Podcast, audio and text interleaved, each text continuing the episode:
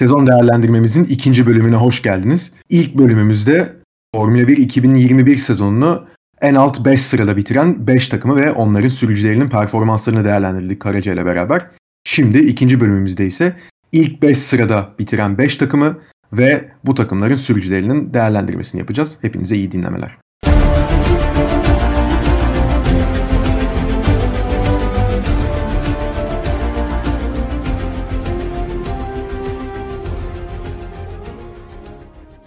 Ki bunu da demişken buradan da Alpine geçelim zaten. Alpine de 155 puanla 5. E, sırayı kaptı.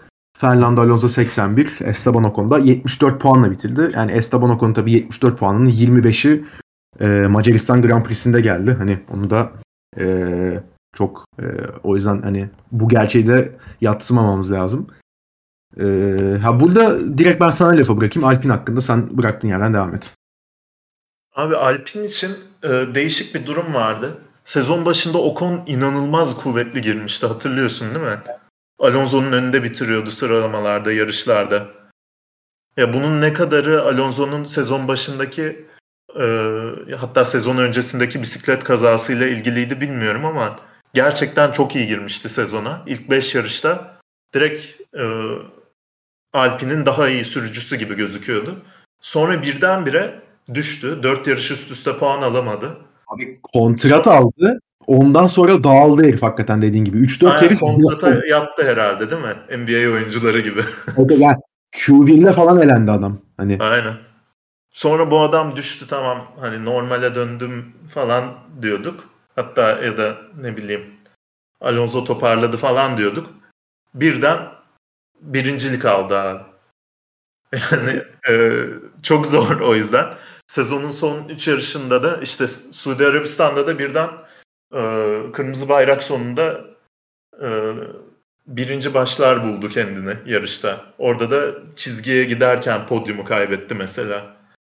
Yani Suudi Arabistan'da da Macaristan'da da tabii diğer sürücülerin sorun yaşamasıyla o kadar yüksek sıralara oynayabildi ama ne olursa olsun yarış kazandı abi. Ee, ben o konuda 7.5 hatta belki 8 yarış kazandığı için verebilirim. Ee, hakikaten çok güçlü gözüktüğü yarışlar oldu ama sezonun bir orta bölümünde Macaristan Grand Prix'si dışında e, biraz e, dağıldığı oldu açıkçası. Ama tabii 81'e 74 bitmiş olması puanların Alonso'yla e, gerçekten kuvvetli bir şey. Yani Alonso 41 yaşında 40 yaşında olmasına rağmen e, tarihin en iyi sürücülerinden biri yani. Alonso'ya da abi işte dediğim gibi e, sezon başında biraz yavaş başladı ama o işte Ocon'un güçlü gözüktüğü ilk 5 yarıştan sonra 10 yarışın 9'unda puan almış mesela. E, Ocon'un Macaristan galibiyetini almasının bir numaralı sebebi zaten Alonso. Hani orada podyum alamadı, galibiyet alamadı ama kazanmış kadar oldu bence. Çok flash bir performanstı ve hani Hamilton'la olan düellosu e, seyir zevki açısından inanılmaz keyifliydi abi. Kesinlikle. Ve Kesinlikle. hani e, ders verdi bildiğin savunma nasıl yapılır? Evet. E, pist içinde kalarak deyip hani malum kişilere Hı. biraz gönderme yapayım. E, e tabi Katar Grand Prix'sinde de e, hiç kimsenin sorun yaşamadığı bir yarışta podyum aldı abi. Perez e, kovalıyordu. Neredeyse podyumu alacaktı. Ama ya Bottas kendi kendine Bottas yarış dışı kaldı bir tek. E, onun dışında Hamilton Verstappen zaten 1-2 bitirdi. Alonso podyum yaptı abi. İşte Gazli'nin Hollanda'da kuvvetli gözüktüğü kadar Alonso da Katar Grand Prix'sinde kuvvetliydi mesela. E, startta da yaptığı bir geçiş var. E, sanırım 3. virajda falan Katar'da dışarıdan böyle etrafından dolanıyor Gazli'nin. O, o da mesela inanılmaz bir hamle. Ee, yani hem e, ritmini bulduktan sonra çok iyi performans gösterdi hem de e, yani Formula 1 izleme keyfime keyif kattı. O yüzden e, o konudan daha yüksek puan veriyorum. 8 veriyorum çok rahat. Alpine de e, sezon ilerledikçe daha da kuvvetlenmeleri dolayısıyla e, momentumu böyle kazanmaları, edinmeleri e, bağlamında da 8 puan veriyorum. Ya vallahi Onlardan abi... beklentilerim sezon başında ilk 5 yarış sonrasında düşüktü açıkçası. 6 veya 7. bitirirler diyordum çünkü. Abi valla e, gayet güzel açıkladın durumu. Yani Alonso'ya e, ya ben de Alonso 8, Ocon 7.5, e, Alpine 7.5 şeklinde verdim ben de puanlarımı. İlk buçuklu puanlarımı da burada verdim. Hı hı. Ya, e, Alonso'nun e, dediğin kısım çok e, doğru. Hani özellikle sezon başı Ocon da çok güçlü girmişti. Ya, Ocon'un arada öyle bir e, saçmaladığı dönem oldu ama yine sezon sonuna yaklaşınca yine bir o da e, performansını arttırdığını düşünüyorum. Ben özellikle bu e, Macaristan'da ne olursa olsun yarışı kazanması. Abi arkasında Sebastian Vettel vardık ve hani Vettel bütün yarış bir saniye arkasındaydı Ocon'un ve hani DRS kullandığı dönemler de oldu. Ee, çok iyi korudu yerine yarış temposunu çok iyi ayarladı. Ee, ve hani ne olursa olsun e, orada yarışı kazanabilecek performansı arabasından almayı gösterdi. Ve bunu e, piste de yansıttı. Nitekim Suudi Arabistan e, zor bir pist, çok hızlı bir pist. Bottas'ı çok çok uzun süre arkasında tutabildi ki Mercedes'in ne kadar hızlı olduğunu orada biz zaten görmüştük. E, yarış temposunda özellikle. Ya o yüzden Okan'ın e, öne çıkan performansları olduğunu düşünüyorum ben ve hani iyi de bir sezon geçirdiğini düşünüyorum ama Alonso yani e, Katar podyumu ama hani hakikaten dediğin gibi Macaristan'da abi e, eskimiş sert lastikle e, yepyeni e, orta hamura geçmiş Hamilton'ı yaklaşık 10 tur öyle arkasına tutması ve Hamilton sürekli saldırdı. E, klasik Hamilton biri onu e, savunduğu zaman çok e, tehlikeli sürüşler bunlar falan diyor. Hani bunu dedirtti zaten Hamilton'a iki kere. Yani hiçbir illegal bir şey yok. Ve hani hakikaten senin de dediğin gibi derslik bir savunmaydı. Ya ben Alonso'yu açıkçası eskiden pek sevmezdim ama bu sezonki genel pozitif havası takımla beraber e, yükselmesi, o el plan muhabbeti hani komik yani adam hani 40 yaşına geçmiş ama bunları mesela kendine bir e, motivasyon kaynağı olarak kullanabildi. Ya bu açıdan ben e, Alpine'i de e, Alonso'yu da hatta Ocon'u da yani takımca kendilerini bayağı e, takdir ettim. Ya umarım e, 2022 sezonunda artık podyumda yapabilecek bir araç yaparlar da biz onları daha üstlerde görürüz diye düş- e, istiyorum yani hani. Çünkü gerçekten iyi bir sezon geçirdiler. 2022 için zaten e, el plan dışında da e, fısıldaşmalar var yani Alpin konusunda bayağı kuvvetli olabilecekleri konusunda. Tabii. Bakalım. Otmar Saufner de geldi. Hani bakalım doğru, nasıl, doğru. E, nasıl bir performans göreceğiz. Şimdi dördüncü sırada e, McLaren Mercedes var. E, McLaren sezonun çok e, büyük bir kısmını üçüncülükte götürdü. E, hatta ve hatta zaten baktığımız zaman Lando Norris e, sezonun büyük bir yani daha doğrusu ilk yarısını üçüncülükte çok uzun bir süre götürdü. Özellikle Bottas'ın ve Perez'in yavaş girmesinden sonra ama e, Lando Norris'in tabi e, Rusya yarışı bir kırılma oldu ve e, Lando Norris'in biz Rusya yarışından sonra hani özellikle de Ferrari'nin de getirdiği e, yeni güncellemelerle beraber McLaren'in artık e, Ferrari'nin iyice arkasına düştüğünü gördük ve zaten e, sezonun herhalde son e, işte Rusya'dan sonraki 7-8 yarışında McLaren artık en iyi dördüncü araba olduğu e, biraz belli olmuştu.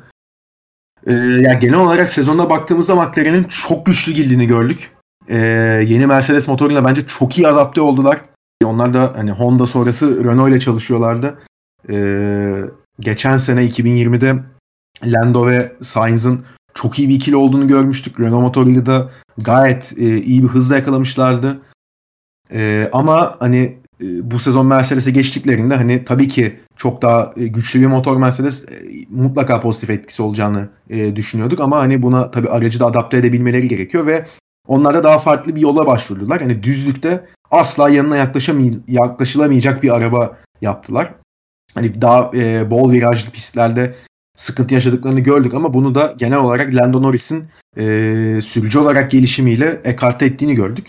Bu sezonun bence sürücüler e, anlamında en büyük hayal kırıklığı benim adıma ama Daniel Ricciardo oldu. Yarış kazanmış olmasına rağmen bunu söylüyorum. Hani bunu söylemek de hani ben bunu e, hani hem bu program için hem de sezon enleri için kendi kendime hani düşündüğümde yarışları tekrar seyrettiğimde ya acaba haksızlık mı ediyorum dedim ama yani Ricardo'dan beklenti çok büyüktü ki geçen sene e, Renault'da 2020 sezonunda bence gayet iyi bir performans göstermişti. İki tane podyum da yapmıştı. Hani çok dominant bir Mercedes ve e, arkasındakilerle çok e, fark olan Verstappen'e karşı ki yani tamam o yarışlar e, Ricardo'nun podyum yaptığı yarışlar biraz daha farklıydı ama ne olursa olsun e, bu sene Ricardo'nun kazandığı İtalya Grand Prix'sinde e, Verstappen'le Hamilton birbirlerine çarptılar. Yani Verstappen üstüne çıktı arabasıyla Hamilton'ın. Absürt bir şey yaşandı ama ya bu yaşanmasaydı da yani 1-2 bitirirler miydi bilmiyorum ama Ricardo bence birinciliği alırdı. Biz ben o yarış sonrasında da demiştim zaten. Ama 1-2 aynen. Ee, yani ben o yarış sonrasında da demiştim Ricardo sadece e, bu sebepten dolayı kazanmadı diye. Hakikaten Aynen. zaten startta birinciliği almıştı ki sprintte de Norris ile Ricardo çok güçlü e, bir paketle geldiklerini göstermişlerdi. Ve Ricardo ondan sonrasında da arkasına bakmamıştı. Verstappen de çok zorlamıştı zaten. Verstappen hiç geçebilecek bir e, konuma getirtememişti kendisini. Her ne kadar DRS açık gitse de Ricardo hep e, önde bulunmuştu. O yarışı bence kazanırdı zaten Ricardo bu ikili çarpışmasa birbirine. Ama hani ya bunu bir kenara bırakacak olursak Ricardo 115 puan alabildi. İşte sezon sonunda artık biraz daha e, o da istikrar yakalar gibi oldu. Hani bir e, Rusya'da beşinciliği var ama zaten yarışa e, beşinci başlamıştı. Ondan sonrasında bayağı geriye düşmüştü de hani e, Lando'nun yaptığı hatayı yapmayıp daha önce Interlast geçip e, kendisini beşincilikte bulmuştu. Ve hani onun haricinde dediğim gibi hani Q3'e kalmakta zorlanan bir Ricardo gördük biz. Yani Ricardo 8 kez bu sene kazandığı yarışla beraber yarış kazanmış biri e, Formula 1'de. Artık evet 32 yaşında. Hani yeni bir takıma da geçti evet ama kendisinden çok daha fazla şey bekleniyordu ve hani Ricardo özellikle sezonun ilk yarısında daha istikrarlı bir performans gösterseydi bence e, McLaren üçüncülüğü alırdı. Öte yandan Lando Norris hani Ricardo'ya karşı çok daha güçlü gözüktü. E, çok daha istikrarlı gözüktü. Zaten hani e, sürücüler klasmanında da 160 puanla bitirdi kendisi. Hani 5. bitirebilirdi. Son yarış e, çok iyi bir dereceyle bitiremeyip Science Podium görünce geride kalmış oldu ama e, yani ne olursa olsun Leclerc'in bir puan önünde bitirdi ve hani Ricardo'ya hem sıralamalarda e, hem de yarışlarda e, her ne kadar dediğim gibi Ricardo'nun galibiyeti olsa da bir büyük bir fark attığını düşünüyorum ben. Hani sıralamalarda bak e, son yarışta Abu Dhabi'de üçüncü başladı işte. E, Avusturya Grand Prix'sinde ikinci başladı. Poli alıyordu neredeyse. E, Imola'da ikinciliği almıştı aslında ama hani çok ufak bir e, pist limiti sebebiyle altıncılığa düştü mesela orada. Ya ben e, Rusya sonrası Norris'in hem kendisinin hem de takımının performansının düştüğünü gördüm. Ama hani buna rağmen Norris'e bir 7.5 vereceğim ben. Çünkü çok istikrarlıydı her ne olursa olsun. McLaren'e de e, genel olarak sezonda McLaren'e 7.5 vereceğim ben. Biraz uzattım lafı ama hani kusura bakma. daha iyi bana söyleyecek daha az şey bıraktım. ee, şey yani Ricardo'dan benim de beklentilerim çok yüksekti açıkçası.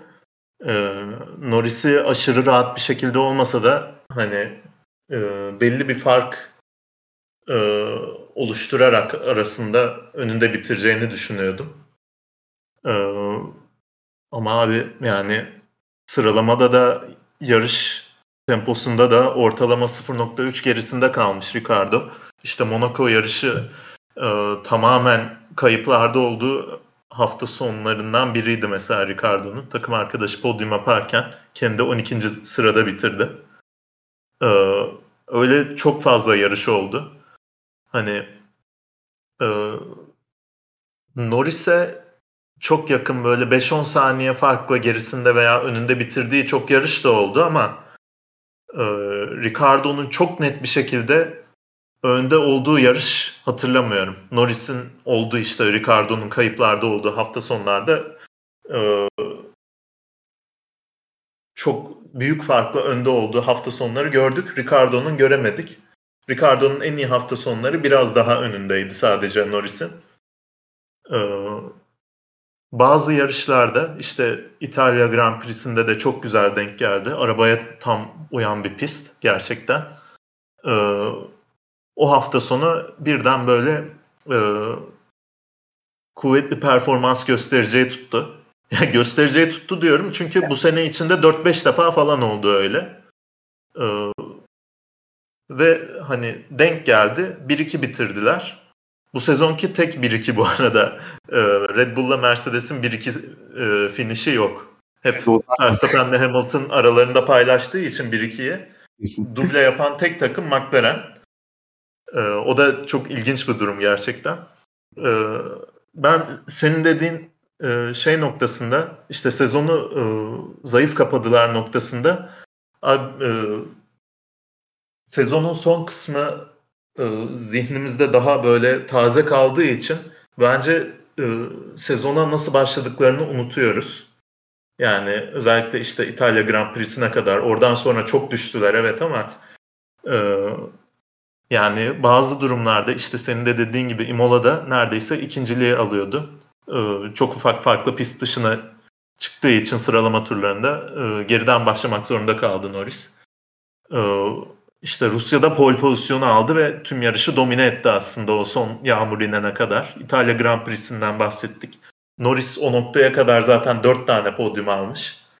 Ee, gerçekten çok kuvvetlilerdi ve hani ara, arkalarına bir Red Bull veya Mercedes takıldığında hakikaten zorlanıyordu o iki takım McLaren'i evet. geçebilmek için. Düzlük performansından da dolayı evet ama e, yani ilk 13-14 yarışta bence net bir şekilde en iyi üçüncü arabaydılar. Ee, sonra işte çok düştü. Ee, onu da e, unutmamak adına ben McLaren'e 8.5 verdim. Belki biraz yüksek olabilir.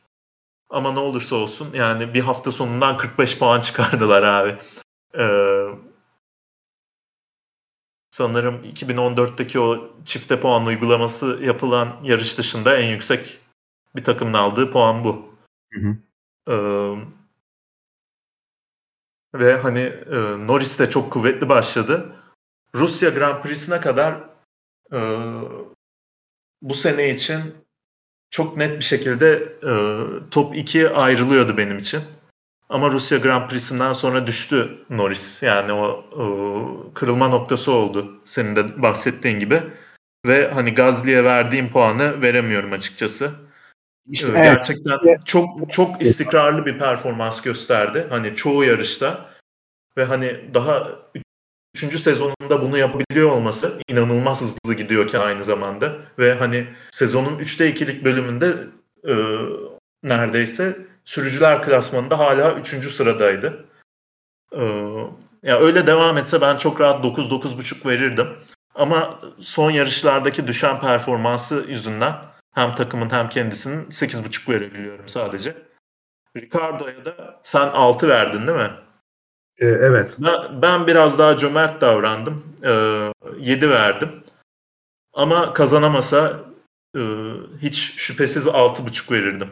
Kazanmasının bu kadar büyük etkisinin olmasının sebebi de hani Verstappen'le Hamilton devam etseydi de kazanacaktı o yarışı. O yarış hakikaten e, domine etti yani. Mesela Ocon'un galibiyetinde e, o kadar fazla etkilemedi puanımı. Çünkü hani şans faktörü de gerekiyordu kazanması için. Ve hani Alonso'nun da yardım etmesi gerekti çok. Ama Ricardo o hafta sonunda galibiyeti tek başına aldı. E, Norris'ten de net bir şekilde daha iyiydi. Hani 5-10 saniye önünde bitirmesine rağmen sadece. E, o yüzden 7 verdim. Gayet iyi bir puanlama diye düşünüyorum ben de ve şimdi 3. sıraya geliyoruz. Küllerinden yeniden doğmuş kırmızılı bir takım var burada 3. sırada. 323,5 puanla Ferrari. Ee, bu arada hani takımlar sıralamasında da ilk 3 e, buçuklu puanlarla bitirmiş bu Belçika yarış sebebiyle. Aynen. o da bir ilginç olmuş yani diğer takımlardan farklı olarak. Ee, Carlos Sainz 164,5 Leclerc 159 puanla bitirdi seneyi. Ee, Valla açıkçası bu sene ben Ferrari'yi düşündüğümde e, çok kısa bir şey deyip e, sözü sana bırakacağım. E, ya benim aklıma Leclerc değil açıkçası Carlos Sainz geliyor. Ben zaten demin hani Gazli'yi ilk üçüme alırım bu sezonki performansı için demiştim. Benim ikinci sıramda en iyi performanslarda bu sene çok net bir şekilde Carlos Sainz var. Yani Ferrari'ye gelip e, takım arkadaşının önünde bitirmesi sıralamalarda biraz daha geri kalmış gibi gözükse de yarış performansıyla önünde bitirmesi bence e, yani sezon bu kadar son tura kaldığı için çok daha farklı şeyler konuşuldu. Yani inanılmaz bir şampiyonluk mücadelesi seyrettik ama e, Sainz'ın Leclerc'i böyle geçmesi bence ve hani Leclerc'in bir podyumunun olduğu sezonda Sainz'ın dört podyumla bitirmesi e, bence çok özel bir performanstı. Ee, kesinlikle. Yani hem Sainz'ı hem Norris'i e, ne kadar aslında Formula 1 e, genel kamuoyunun bu seneye kadar küçümsediğini görmüş olduk bence. Çünkü Kesinlikle. hani ikisi de iyi pilottu. İkisi de birbirlerine çok denk performans gösterdi 2019 ve 20'de. Ee, ama şimdi Sainz Leclerc'e karşı, Norris de Ricardo'ya karşı inanılmaz performans gösterdiler ve, ve bence e, elit seviyede veya elit seviyeye çok yakın olduklarını gösterdiler. E, bu da onların kariyerleri için belki de e, çok faydalı bir durum oldu yani. E, ben de e, açıkçası Sainz'ı bu senenin en iyi ikinci sürücüsü olarak görüyorum. 9 puan verdim kendisine. Hani Gazli ile aynı ama Gazli'den bir tık daha iyi görüyorum. Çünkü hani Gazli'nin çaylak bir takım arkadaşı vardı.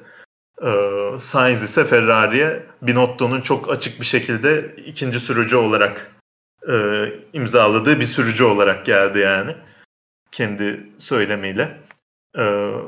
Ve hani zaten biliyorduk Sainz'ın bir numaralı özelliğinin böyle saf, inanılmaz hızı olmadığını ama inanılmaz istikrar olduğunu. Onu e, tüm sezon tekrar tekrar gösterdi abi. Yani e, Leclerc arada değişik değişik hatalar yaptı. E, saf hız olarak daha iyi gözüktüğü noktalar oldu. İki tane pole pozisyonu aldı. Ama mesela Monaco Grand Prix'sinde pole pozisyonunu aldı. Yarışa başlayamadı. Çünkü turunu geliştirmeye çalışırken hata yaptı. Hani bu Leclerc'in sezonunu en iyi özetleyen şey olabilir belki de. Sainz ise e, o yarış o da bu arada e, kırmızı bayrak çıkmasa o sıralama turlarında muhtemelen ön sıradan başlayabilecekti. Tur zamanını Abi, geliştirerek geliyordu çünkü. E, şöyle Monaco'da e, Leclerc zamanını o kadar çok geliştiremiyordu. Verstappen iki mor sektörle geliyordu. Sainz Verstappen'e çok yakındı. Yani çok büyük ihtimalle Mora yakın geliyordu. Yani çok büyük ihtimalle Verstappen, e, Sainz, Leclerc üçlüsü olacaktı veya belki hani Bottas aradan şey yapacaktı. O çünkü Bottas daha başlayamamıştı turuna. Hani orada evet Leclerc poli aldı. Hakeza Bakü'de de öyle. Ama e, kırmızı bayrak gerçekten çok işine yaradı çünkü gidiyordu pol. Aynen. Ya işe, işine yarıyor gibi gözüktü de sonra tabii vites evet. kutusunu falan parçaladığı ortaya çıktı. Neyse şey o yarışı sorunsuz bir şekilde ikinci sırada bitirdi mesela Sainz. Herhalde Monaco Grand Prix'si e, bu iki sürücüyü kıyaslamamızı en iyi sembolize eden yarışlardan biriydi e, tüm sezon boyunca. E, işte mesela Britanya Grand Prix'sinde de çok büyük bir bölümünde birinci devam etti Leclerc. O en iyi yarışlarından biriydi. Zaten tek podyumuydu bu seneki. Ee, evet sadece bir podyumu var Sainz'a karşılık ama böyle 7 tane mi ne dördüncülüğü var sanırım Leclerc'in. Evet. Ee, o sayede tabii şampiyonada bu kadar yakınında bitirebildi. Ee, ya ben açıkçası Leclerc'in bir tık önde olacağını düşünüyordum. Ee, sadece tempo anlamında değil, sıralamada da. Ama e, ya beklentilerimi çok aştı. Sainz iyi bir pilot olduğunu ben biliyordum. Yani e, düşünüyordum zaten. E, Verstappen'le Toro Rosso'da takım arkadaşı olduğu zamanlar mesela e, gayet yakın finişler elde ediyordu. Bu güne kadar Ricardo dışında Verstappen'e o kadar yaklaşabilen bir takım arkadaşı olmadı mesela. Hani Verstappen 17-18 yaşındaydı tamam ama Biraz Sainz da 20 yaşındaydı abi. Çok da şey değil. ee, şey Sainz'e işte 9 verdim o yüzden. Ee, beklentilerimi aştı ve hani aynı zamanda bence Ferrari'deki bu pozitif havayı e, yaratan en büyük etkenlerden biri olması dolayısıyla yani adam nereye gitse takımdaki vibe genel olarak değişiyor. Bu bir tesadüf olamaz bence. Ee, Ferrari'de son 40 senedeki en kötü sezonunu geçirdikten sonra kuralların neredeyse hiç değişmediği bir sezonda birden üçüncü bitirdi. Sezonu çok rahat bir şekilde en iyi üçüncü araba olarak tamamladılar. Ee, bunun e, biraz da Sainz'dan dolayı kaynaklanabileceğini de düşünüyorum açıkçası.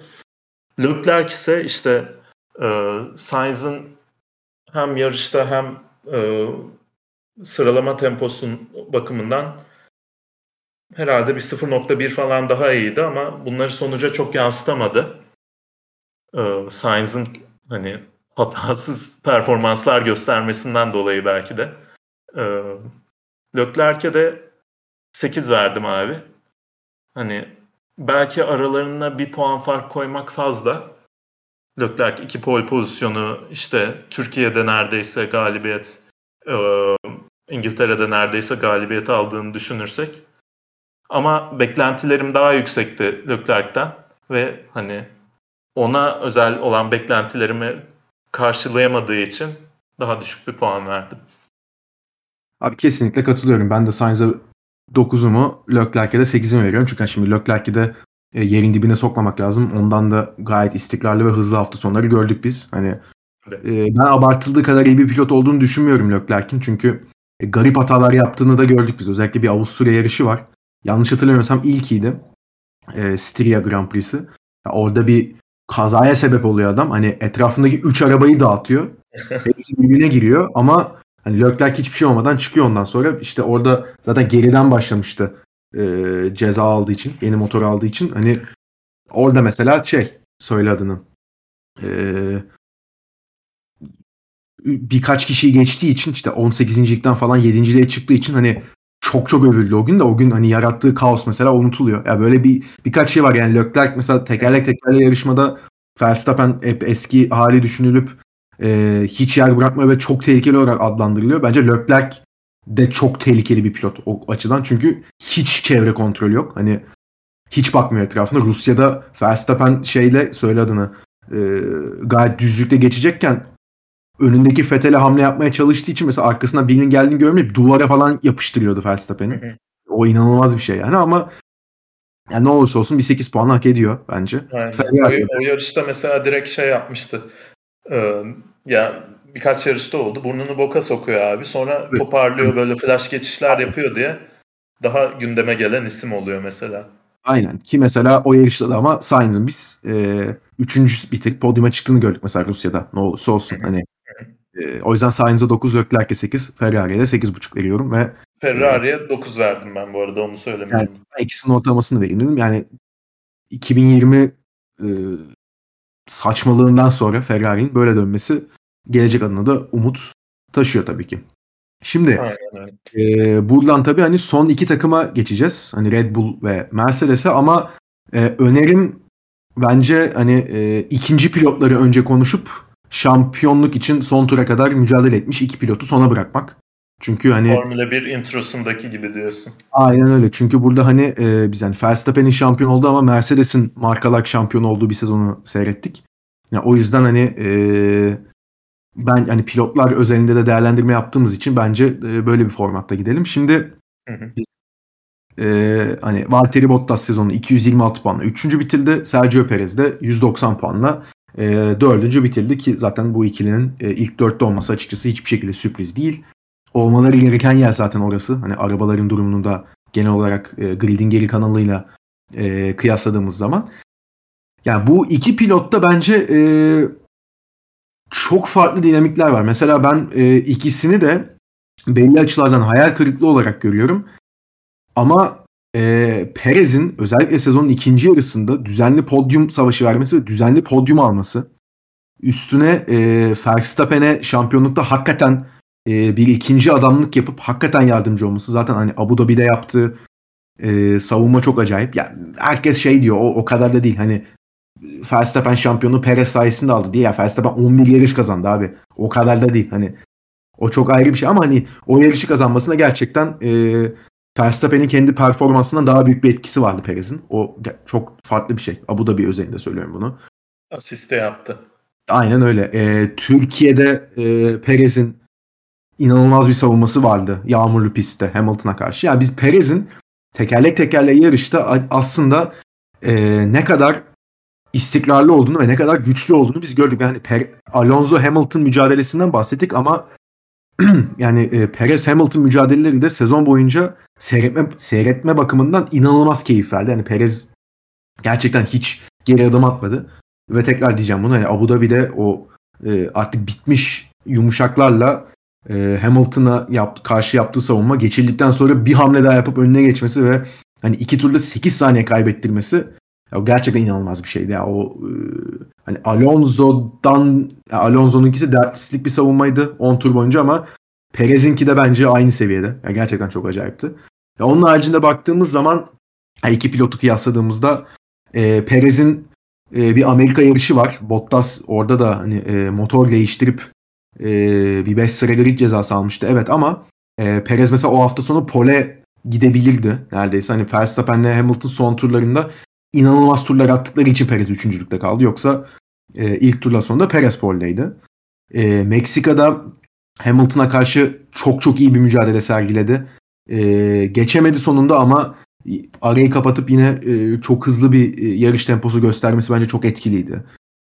E, onun haricinde dediğim gibi İstanbul'da çok güçlü bir e, sürüş gerçekleştirdi bence. Yani e, sezonu Perez Bottas'a göre çok daha iyi kapadı. Bu zaten e, yatsınamayacak bir gerçek bence. E, ki mesela Abu Dhabi, e, Abu Dhabi diyorum. Hoş gerçi Abu Dhabi'de de mesela podyum yapacaktı ama aracında bir sıkıntı olduğu için hani çekmek zorunda kaldılar yarıştan. E, Katar'da e, orada geride kalmıştı. Yine iyi toparladı. Alonso'yu son anda yakalayamadı. Şöyle Katar'da aslında Perez 3. olacaktı ama ilginç bir pit stratejisi denedi orada Red Bull ve hani Perez'i ikinci pite aldıktan sonra vakit kalmadı yetişebilecek. Çünkü bir de orada e, güvenlik aracı girdi. Aynen. Öyle olunca zaten hani geçiş olmadı. Güvenlik aracı değil de sanal güvenlik aracı girdi. Hani e, o sayede yoksa Perez aslında Alonso yetişecekti çok büyük ihtimalle. Yani orada öyle bir stratejik anlamda bir hata oldu. E, Cidde'de, Suudi Arabistan'da yine çok büyük bir şansı vardı ama e, bir kaosun içinde kaldı ve kazaya karıştı. Yani dediğim gibi Perez sezona yavaş başlayıp hani Q2'ye girmekte zorlanan bir durumdan e, kendisini sürekli podyumda görebileceğimiz, sürekli orada olan hani Verstappen'le beraber Hamilton'a karşı mücadele veren bir pozisyona getirdi. Ve ben çok saygı duyuyorum kendisine. Bakü'de de bir yarış da kazandı. Hani her ne olursa olsun o yarış e, Hamilton'ın önünde gidiyordu. 1-2 gidiyorlardı Verstappen'le beraber ve Verstappen'in zaten lastiği patlamasa 1-2 bitireceklerdi o yarışı. Tekrar seyrettim. Ben zaten Hamilton geçemiyordu onları. Çünkü Verstappen de Perez'e yardımcı oluyordu. Perez de orada Verstappen'e yardımcı oluyordu. Gayet iyi bir uyum da yakaladılar. Birbirlerinden hakikaten de hoşnut durumdalar. Bunu da görebiliyoruz. Dün de Checo'nun doğum günüydü. Bunu da beraber kutlamışlar. Ya Red Bull genel olarak toksik ortamıyla bilinen bir yer ama Checo mesela Sainz'ın Ferrari'de yarattığı kadar olmasa da pozitif bir etki yarattı bence bu sene Red Bull'a. O yüzden ben e, Checo'ya 8 vereceğim. Yani biraz belki fazla ama e, yine de ben sezonu çok güçlü kapadığını düşünüyorum. Öte yandan Bottas e, ya Bottas bilmiyorum hani e, biraz Mercedes'in e, denek aracına döndü sezonun belli bir kısmında. Sürekli yeni e, motor taktılar kendilerine ama biz e, mesela nasıl bahsettim Checo'nun e, Hamilton'a karşı nasıl savunma yaptığından ve güçlü durduğundan Bottas bunu hiç gösteremedi abi. İki kere eline fırsat geldi. Fransa'da Verstappen daha hamle yapmadan Bottas zaten dışarı taştı. Gel abi geç dedi. Rusya'da sırf Verstappen'i tutsun diye Bottas'a yeni motor taktılar. 15. başladı Bottas. Verstappen direkt yani pistin en geçişi zor olan bölgesinde direkt içeriye daldı. Bottas hiç hamle bile yapamadı. Ya Bottas kayıptı sezon sonlarında ve hani sezon sonunda bu kadar e, iş yakınken aslında Perez'den beklenen e, daha doğrusu Bottas'tan bekleneni Perez yaptı. Ve Bottas e, son yarışlarda hiç denklemin içinde olamadı. Ya yine evet podyumlar çıkarttı. Okey. Hani e, buna bir şey demeyeceğim ki hani Mercedes aracıyla podyum çıkartması da zaten hani ne kadar büyük sürpriz. O çok ayrı ama yani e, Suudi Arabistan'da mesela son anda alabildi podyumu. Hani o da e, o konu geçemedi bir türlü. Yani biz Bottas'ın bütün sezon bir yerde takıldıysa orada kaldığını gördük hani Monza haricinde.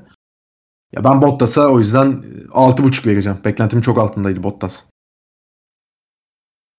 Yani e, Bottas'ın 5 senelik Mercedes kariyerindeki herhalde e, en az dominant araçtı bu sene. Ve hani 2020'de de biraz görmüştük. Böyle bazı hafta sonları kayıp oldu mu e, hiçbir şekilde yukarılara tırmanamıyordu. E, ki 2020'de aşırı dominant bir arabaya sahipti Mercedes. E, diğer takımlarla fark azalınca bunların e,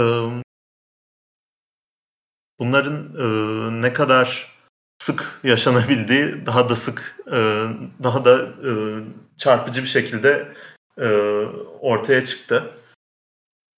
E, bence yani e, Toto Wolff Wingman dedi ya Bottas'a seneler önce. Bence Wingman'likten en uzak sezonu olabilir Bottas'ın. E, kendi halinde takıldı abi. E, geriye düşünce çok klasik. Artık yani tüm sezonki trend oldu. İtalya yarışı dışında senin de dediğin gibi. Geriye düşünce orada takılı kalıyor. Ama geriye düşmediği zaman e, işte sıralamada yarışın ilk bölümünde e, çok sıkıntı yaşamadıysa e, çok rahat podyum alabiliyor. Böyle bir trend seyrettik. Ve hani sorunsuz yaş- yarış yaşadığı zaman da Mercedesler 2'ye 1 çoğu yarışta Verstappen'i sıkıştırabildi. O da hani değerli bir durum sonuçta. 11 podyum almış bu sene 22 yarışta kendi halinde takılarak işte Mercedes'in böyle ufak tefek e, taktikler denediği yarışlarda da pek etkili olamayarak senin de dediğin gibi Fransa'da, Rusya'da e, kendi halinde sonuçlarını topladı. Perez'den daha fazla top, puan alarak takımlar şampiyonluğunu Mercedes'e getirdi. E, ama yani Bottas'tan beklentin nedir? Sadece puan toplaması mıdır? Aynı zamanda e, hani ikinci sürücü olarak birinci sürücünün sürücüler şampiyonluğu almasına yardım etmek de midir? Bu bakımdan çok hakikaten vasat bir sezon geçirdi bence de. Ve hani vasat geçirdiği hafta sonları gerçekten çok böyle sönük kaldı. O yüzden ben de 7, 7 verebildim sadece. Hani sürücüler klasmanını 3. sırada bitirmiş olsa bile. Perez ise ondan beklentilerimiz çok daha farklıydı. 2019'dan beri e, Verstappen'in takım arkadaşına Red Bull'da çok net bir şekilde fark attığını gördük. İşte Gazli'yi gönderdiler, Albon'u gönderdiler. Artık Perez'le olsun diye bir kumar oynadılar. Ve hani Perez'den beklenti Verstappen'e yardım etmekti direkt.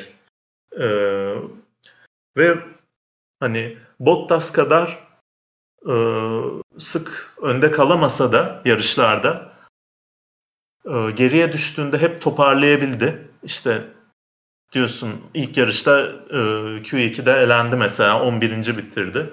Ama yarışı 5. bitirdi. Devamında bir sürü öyle performansı var. Sıkıntılar yaşayıp geriye düştüğü çok yarış oldu ama onlar da hep toparladı. Bir şekilde puanları aldı ön tarafı zorlayabildiği, sıkıntı yaşamadığı yarışlarda da e, hani böyle ilk pit stoplara gelindiğinde hala pit stop bir pit stop mesafesindeyse Hamilton e, işte Türkiye Grand Prix'sinde olduğu gibi e, o tip yarışlarda Abu Dhabi'de keza e, çok güzel savunmalar yaparak hani yarış içinde bir faktör oldu ve Hamilton'ın yavaşlamasını sağladı. Ya çok farklı profilde iki performans seyrettik bence. Ama ikinci sürücünden beklenti bakımında e, bence Perez o beklentileri daha iyi karşıladı. Bottas kendi halinde evet güzel yarışlar 11 podyum çıkardı eyvallah ama Perez daha kilit anlarda çok daha e, clutch performanslar gösterdi bence. Zaten clutch performansın dibini son yarışta yaptı. Hamilton'a 10 saniye kaybettirdi. Verstappen'in de yolundan çekildi. E, al sana hani son bir e, fırsat diye e, Verstappen'i kendi haline bıraktı. Verstappen'e de son bir şans tılsımıyla e, şampiyonluk geldi yani. Ee, o yüzden Perez'e daha yüksek bir puan ver, vereceğim. Her ne kadar hani Bottas takımlar şampiyonluğunu getirmiş olsa da Mercedes'e e, 7.5 veriyorum Perez'e. Ve hani seyir zevki bakımından hakikaten çok büyük fark vardı ikisi arasında. Türkiye Grand Prix'sinde savunması olsun, Abu Dhabi'de savunması olsun.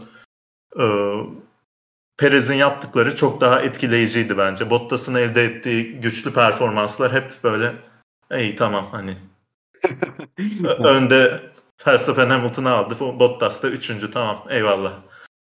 modunda gelen e, sonuçlardı. E, öyle diyebilirim. Takımlara herhalde en sonda puan vereceğiz. E, evet. Öyle, Yoksa öyle. sürücüleri sonuna mı bırakalım? İşte sürücülerin sonuna bırakalım. Tamam. Ve sıra geldi şampiyonluğun iki baş aktörüne Max Verstappen'e ve Lewis Hamilton'a. E, Verstappen 395.5, Lewis Hamilton da 387.5 puanla bitirdi sezonu. Yani gerçekten ikisinin de çıktığı seviye e, olağanüstü bir seviye. Hani birbirlerini bu kadar e, yukarıya çeken, birbirlerini bu kadar zorlayan, e, kendi kişisel limitlerini de sezon içerisinde bu kadar aşmaya çalışan bir ikili. Yani herhalde Formula 1 tarihinde çok nadir görmüşüzdür. Yani gerçekten çok e, özel bir e, şampiyonu seyrettirdiler bize. Hani gerçekten bunu seyrettiğimiz için ve buna tanıklık ettiğimiz için zaten e, Formula 1 seyircileri, Formula 1 kamuoyu ve Formula 1 severler olarak e, gerçekten çok şanslıyız. Hani bu e, çok farklı bir konu. Yani ikisinin de performans olarak değerlendirdiğimiz zaman e, birbirine çok yakın olarak e, ikisi de adledildi ama e, ya tabii ki şampiyon olduğu için hani ben sezon değerlendirmelerine de mesela baktığım zaman e, hep Verstappen hani bir tık önde, bir adım önde gibi e, adledildi ama bilmiyorum e, objektif olmadığımı, subjektif baktığımı konuya söyleyebilirsiniz. Bunu sen de söyleyebilirsin. Gayet de anlayış gösteririm buna. Ama ben Verstappen'in bir tıktan daha fazla e, önünde olduğunu düşünüyorum Hamilton'ın. Yani bir sezon boyunca Verstappen'in sürüş hatası olarak e, Suudi Arabistan Grand Prix'sindeki o inanılmaz e, Q3 turunda duvara çarpması hariç sürüş hatası yok Verstappen'in. Ya bu ben de aynı gözle özetleri izledim. Bir tane buldum ama aşırı zorlama. Fransa. O da e, Fransa'da ne yapmıştı? Fransa'da ilk şeyde e, direksiyonu kilitlendiği için ilk virajda dönemiyor, ikinciliğe düşüyor. Yani onu onu onu bile saymam ya. Şey, e, Portekiz'de en hızlı turu almaya çalışırken eh, son yani. virajda pist dışına taşıp en hızlı tur puanını alamıyor. Bottas'a kaptırıyor. Ne kadar yani zor. Bunu, bunu bulabildim bir tek. Evet. Ee, ya Hamilton'a baktığımızda mesela sürüş hataları görebiliyoruz. Bu arada hani Verstappen'in sürüş hatası ya benim gözümde Suudi Arabistan dışında yok dediğim ya Brezilya'daki veya Suudi Arabistan'daki hareketlerini tasvip ettiğimden dolayı değil. Oradakiler sürüş hatası değil çünkü. Orada evet. kasıtlı şeyler var. Yani orada Yanlış diyor ki ben bu... hata değil. Aynen. Ben burada virajı döneceğim. Sen dönemeyeceksin. Sen dışarı git diyor orada. Yani ki hani Suudi Arabistan'da öyle break test olayı mesela hani o e, gereğinden fazla abartıldı. Orada Hamilton e, çok iyi kendini e, aklamayı başardı. Mercedes cephesi de. Hani o e, onların özel zaten başarısı. Ona hiçbir şey diyemiyorum ama mesela Brezilya'dakinde direkt ceza çıkması lazım Verstappen'e. Hani e, onun herhangi bir e, kurtarı yok ama ya bütün sezon boyunca hep bir şey narratifinden bahsedildi. İşte hep e, Verstappen boşluğa dalıyor. Hamilton kaza yapmak istemediği için kendini geri çekiyor. İngiltere'de bir kere öne adım attı. Verstappen'i o yüzden duvara yapıştırdı. Abi yani e, Verstappen öndekini geçme tabii ki çalışacak abi. Arkadaki pilotlar öndekini geçmeye çalışıyor. Grill'in arkalarına baktığınızda da böyle mücadeleler görülüyor. Ya birinin zaten tekerlek tekerleğe mücadelede geri adım atması gerekiyor. Efendim Verstappen geri adım atmak zorunda değil abi. Ne demek yani aradaki boşluğu görüp kurallar dahilinde dört tekerleği de pistin içindeyken bir adamı da dışarıya savurmuyorken ki kurallarda dışarıya savurma ile ilgili bir şey yok. Ya düz mantıkta baktığın zaman pilotlar zaten birbirini dışarı savurmak için yarışıyor. Hani kasıtlı olarak bu işte dediğim gibi Brezilya ve Suudi Arabistan hariç yaptığı geçişlerde agresif mi agresif, legal mi? Yüzde yüz legal. Yani bu bir adamı bu yüzden aşağı çekmeye çalışmak da açıkçası benim e, çok doğru bulduğum bir şey değil. Yani çok güçlü bir sezon geçirdi. 11 yarış kazandı Verstappen. E, pod, podyum dışı kaldı diyeceğim. Yani e, 1 ve 2 bitirdi 18 yarışı. Zaten kalan e, 4 yarışın yani 3'üne baktığımızda Azerbaycan'da lastiği patladı. İngiltere'de e, Hamilton arkadan vurdu. İtalya'da Hamilton'la çarpıştı. Bir de Macaristan var 9. bitirdi. Yarım araçla 9. bitirdi orada da. Hani soldaki barge board'u direkt yoktu adamın. Bütün downforce'unu kaybetmiş bir şekilde bit- gitmek zorunda kaldı tüm yarış boyunca. Ona rağmen 9. bitirebildi adam. Yani e, çok güçlü bir performans gösterdi. Tek turda e, her ne kadar Hamilton'la kapışmış olsalar da ben hep Verstappen'in söyleyecek daha fazla sözü olduğunu düşündüm ve tekrar seyrettiğimde de hani e, aldığı pol sayısına da baktığımız zaman çok çok çok farklı bir performans gösterdiğini düşünüyorum. Hamilton evet sonlarda çok iyi kapadı arayı, çok iyi yaklaştı ama ya Mercedes'in o roket motoru olmasa Hamilton'dan böyle bir performans görebilir miydik? Bilmiyorum. Ya bu ama son e, 5-6 yarıştaki Hamilton performansını e, çöpe atacağımız anlamına gelmiyor. Ama ya ben puan verirken açıkçası Verstappen'e 10, Lewis Hamilton'a 9 vereceğim. 9.5 mu versem diye düşünmüştüm ama vermeyeceğim o puanı. Çünkü sezon ortasında mesela Monaco'da Hamilton'ın kayıp olduğu bir yarış gördük. Avusturya'da mesela dördüncü bitirdi. Pek bir varlık gösteremedi. Türkiye'de inat etti. Beşinci oldu. Rusya'da e, galip geldi ama tamamen takım sebebiyle galip geldi. İçeriye girmeyecekti ve belki o yarışta çok daha gerilere düşecekti ve Verstappen galibiyetiyle bitecekti yarış. Yani ben istikrar olarak Verstappen'in çok çok çok daha istikrarlı bir sezon geçirdiğini düşünüyorum ve her ne kadar sezonun 5-6 yarışlık bir kısmında özellikle bu Avusturya, Fransa kısmında e, Red Bull daha güçlü bir pakete sahip olsa da yani mesela Amerika'daki yarışı Verstappen'in Hollanda'daki yarışı yani inanılmaz sürüşlerdi. Mesela Hamilton'ın e, Brezilya yarışı çok övülüyor. Övgüyü de çok hak eden bir yarış ama ya altındaki araç da bence çok yardımcı oldu orada. Altındaki araçtan alma en iyisini alma bakımından ben Verstappen'in de Hamilton'ın önünde olduğunu düşünüyorum.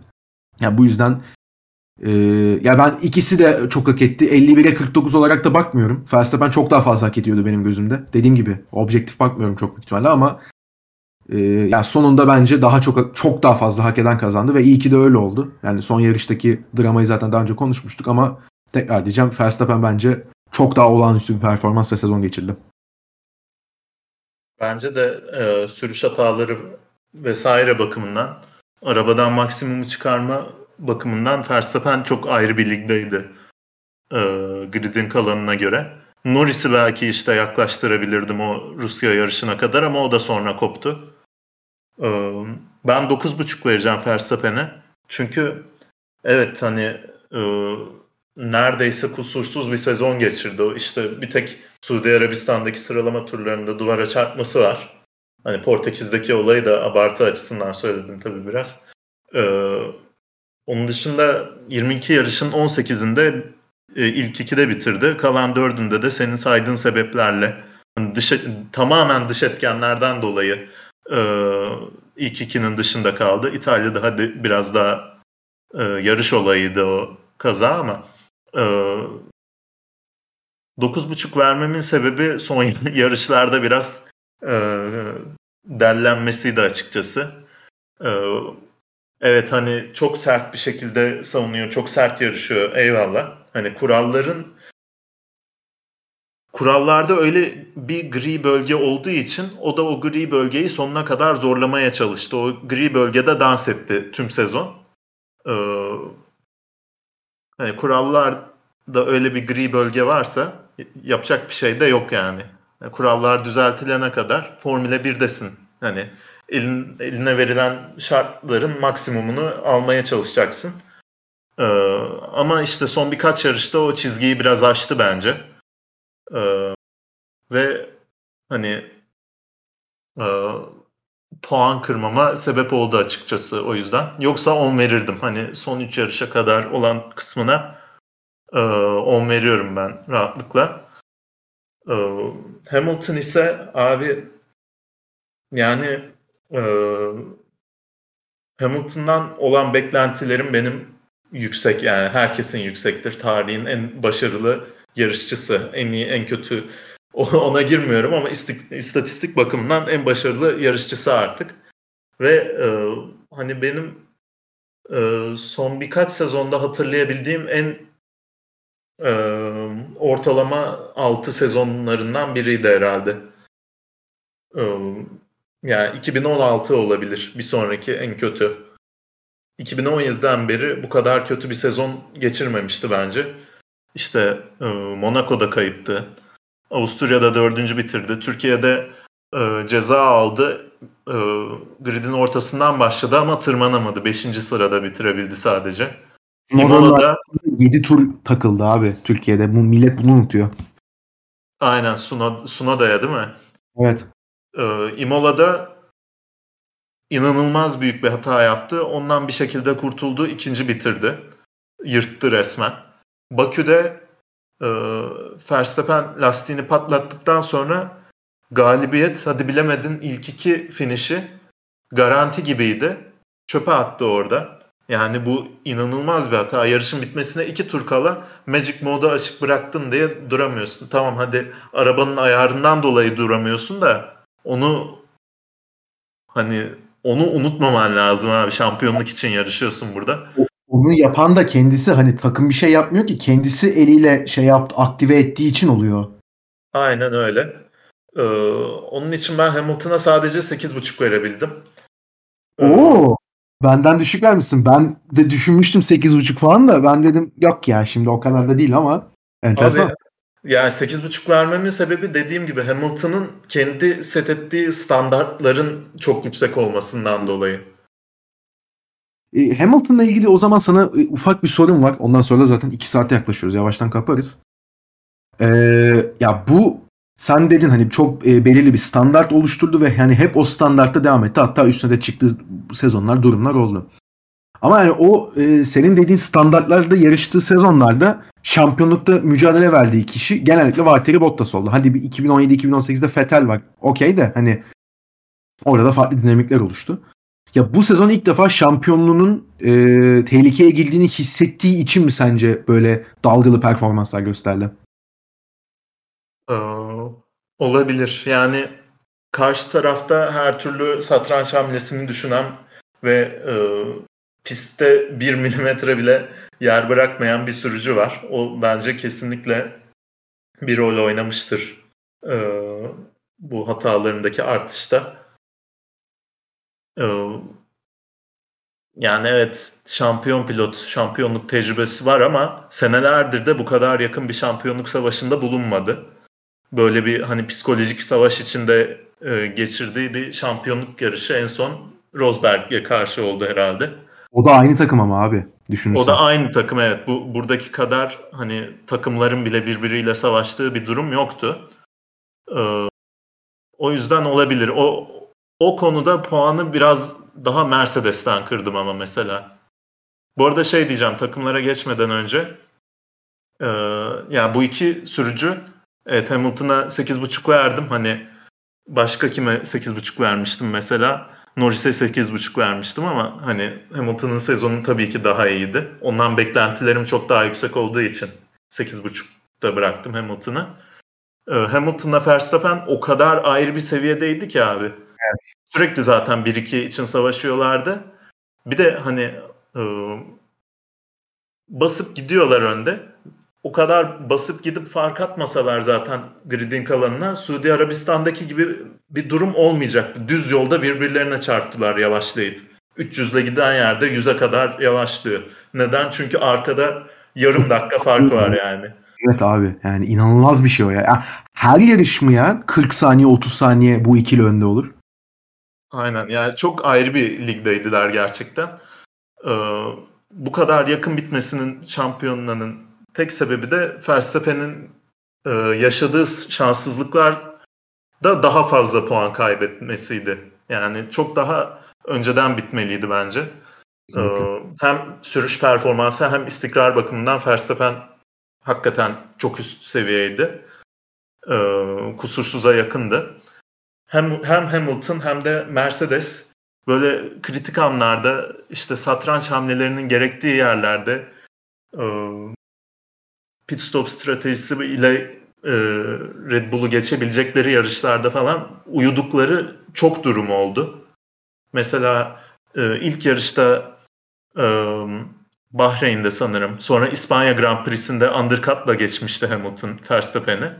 Hani hani bir iki durum e, hatırlıyorum. Hamilton ve Mercedes'in strateji olarak daha üstün kaldı ama böyle Red Bull e, hem hem Red Bull takım olarak hem Verstappen hem de Perez nasıl Verstappen'e yardım edebilirim anlamında en ufak şeyi düşünerek bu seneyi yarıştılar. Ve Verstappen... Efendim? Monaco. Monaco. Ne olmuş Monaco'ya? Yani mesela bu taktik anlamda bence Mercedes'in en büyük e, sıkıntı yaşadığı şey Bottas'ın pitinden bağımsız. Abi Ha. herkes orada overcut'a gidiyor. Çok belli. Evet. 20 pilottan ilk pite giren Hamilton oldu. E, yarışa 8. başlayan Perez Hamilton'dan 14 tur sonra pite girip 4. çıktı pitten. Aynen. Hani O overcut yani Monaco zaten overcut'ın bir numaralı şeyidir. Evet, overcut'ın kral olduğu bir pisttir yani. Arkadan Vettel ve Perez geçti direkt gelip şeyi. E, söyle adını. Overcut sayesinde e, Hamilton'ı. Ve Hamilton bütün yarış Gazli'nin arka kanadını seyretmek zorunda kaldı. Aynen. Ve e, Mercedes araba geliştirme bakımından da bence sezonun ilk yarısında uyudu.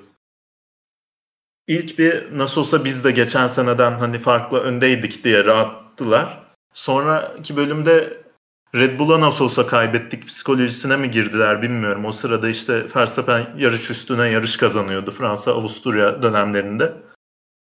Hani son son 4 yarışlık bölümde motor güncellemesi getirerek son bir atak yaptılar ama e, çok geç olmuştu artık. Hem hani sezon güncellemeleri bakımından hem de bu taktiksel kararlar bakımından Mercedes'in uyuduğu çok durum vardı ve hani bir kez daha çifte şampiyon e, olabilecekleri bir sezondu rahatlıkla. Özellikle bu e, şans faktörüyle beraber. E, o bakımdan Mercedes'e 8.5 verebildim sadece. Red Bull'la da 9 verdim. Red Bull e, ya gerçekten Abu Dhabi'de sıralama turlarında bile işte hava koridoru vermeyi hesaplıyorlardı. En ufak hesabı yapıyor. Perez işte Max'a nasıl yardım edebilirim diye soruyor yarış içinde. Hakikaten hedefe tamamen fixlenmiş bir takımdı. O bakımdan benden daha yüksek puanı aldılar.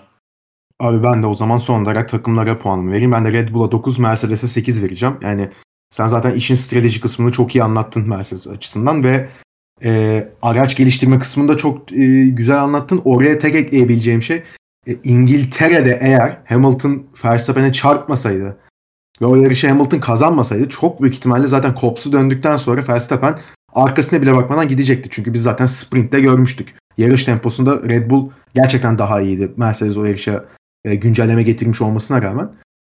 E, o yarışı da Red Bull kazansa zaten çok büyük ihtimalle e, Verstappen Yarış iyi- olmuş oluyordu zaten Aynen. Zaten iyice güçlü bir duruma gelecekti. Ve e, Mercedes'in kafasında da artık hani ya bu sezon gitti galiba'yı iyice perçinleyecekti. Ya ondan sonrasında tabii bir hafta sonrasında hemen e, Macaristan'ın yaşanması zaten hani Verstappen o iki haftadan iki puan çıkarabildi sadece. İkisinde de hiçbir suç yok. Yani o iki yarış sayesinde bence e, Mercedes tekrar bir e, en azından motoru güçlendirelim düşündü orada. Ama yani taktik olarak evet e, sıkıntı yaşadıkları yerler oldu. Hani Bottas'ı bir kere e, yani tamam denek olarak kullandılar. O sayede belki yeni motoru şey yaptılar ama ya o da onların pilot e, takımlar şampiyonasında çok büyük sıkıntı yaşamalarına sebep oldu. Yani ama işte öyle bir durum ki hani Bottas'a onu yapmasalar daha önde olacaktı. Evet ama Hamilton'a yardımcı olabilecek miydi? O kadar güçlü araçları olabilecek miydi? Verstappen'e karşı onu bilmiyorsun. Yani ne bir yerden tutsan diğer yerden elinde kalıyor. Öyle bir e, durum vardı bence Mercedes'te. Hani çok geç farkına vardılar bunun. O açıdan ben de o yüzden 8 veriyorum. Red Bull'a 9 vermemin sebebi de e, sezon sonunda e, Christian Horner Karen Horner'a dönüştü. Yani o klasik biz bildiğimiz haline dönüştü. E, sızlanma ve laf etme açısından ama hani Toto Wolff'tan e, daha kötü bir durumda değildi bence.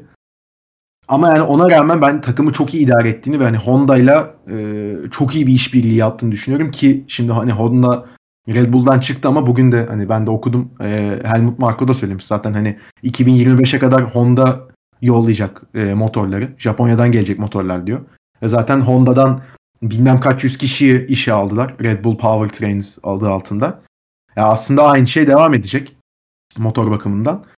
Yani yine iyi bir araç çıkarabilirlerse Red Bull Verstappen'in önü çok açık. Bu tabii ki beklentilerimizi başka bir programda konuşacağız ama e, strateji anlamında da hani Rusya'da da gördük bunu, Monaco'da da gördük, Amerika'da gördük. Mesela Amerika'da çok agresif bir strateji yaptılar. Yani grid'in e, 18 pilotunun karşı çıkabileceği bir e, stratejiydi. Belki bunun içine Hamilton'ı dahil edip 19 demek lazım. Verstappen yarış sonrası strateji mükemmeldi ya agresif şey yaptık çok hoşuma gitti dedi. Yani bunu kazandığı için söyledi tabii ki ama hani strateji agresif, sürücü agresif sonunda galibiyet, verim alıyorsun. Sonucu alıyorsun. Ya burada şapka çıkartmak gerekiyor. O yüzden Red Bull'a da ben 9 veriyorum. Her ne kadar e, takımlar şampiyonasında ikinci olmuş olsalar bile. Böylelikle abi neredeyse 2 saate yaklaşan bir bölüm çektik. En uzun bölümümüz oldu bu ama zaten hani 20 pilotu da değerlendirdiğimiz ve takımları da değerlendirdiğimiz için gayet doğal böyle olması. Bundan sonrasında zaten 2021 sezonuyla alakalı son konuşacağımız şey. E, bölümün başında dediğim gibi pilot e, bizim biz bir önceki sezondaki hani e, sezon enleri hani ve sezon öncesi tabii bir anket de yapmıştık. Onun da sonuçlarını açıklayacağız. Kim ne demiş? Bir ifşa da olacak o yüzden e, katılanlar için. Böylelikle de 2021 sezonunu zaten tamamlamış olacağız ve ondan sonrasında zaten artık e, araç lansmanları da Şubat ortası itibariyle başlayacak. Mart başına doğru da artık zaten ilk e, testlerde yapılmaya başlayınca Barcelona'da ondan sonrasında zaten sezon yeni sezon beklentilerimizi de konuşmaya başlarız seninle beraber. Abi uzun bir bölüm oldu ama bütün sezonu iyice bir toparlamış, değerlendirmiş olduk. Senin de ağzına sağlık. Çok sağ ol. Senin de öyle. Teşekkürler evet. bu güzel sohbet için. Teşekkürler. Evet, böylelikle de bu uzun bölümümüzün ve de sezon değerlendirmemizin sonuna geliyoruz. Dediğim gibi bir sonraki bölümde sezon enleriyle karşınızda olacağız. Kendinize iyi bakın. Hoşçakalın.